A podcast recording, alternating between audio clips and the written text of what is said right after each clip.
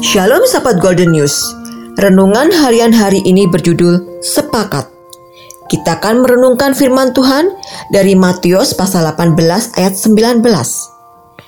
Dan lagi aku berkata kepadamu, jika dua orang daripadamu di dunia ini sepakat meminta apa pun juga, permintaan mereka itu akan dikabulkan oleh Bapakku yang di surga.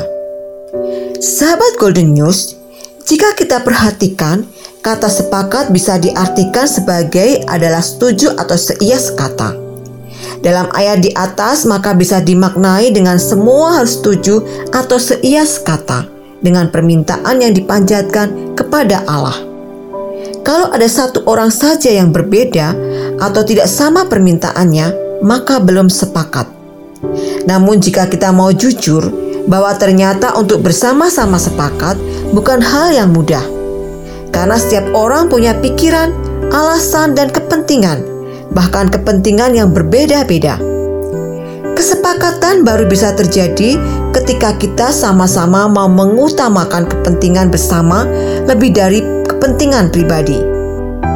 Dan di sinilah kita mengerti mengenai kunci supaya permohonan kita dikabulkan Tuhan.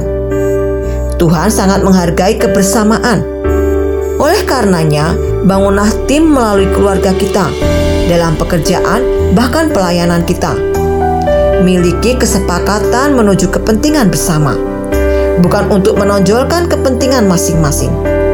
Dengan kesepakatan, maka akan menghasilkan buah yang sangat luar biasa.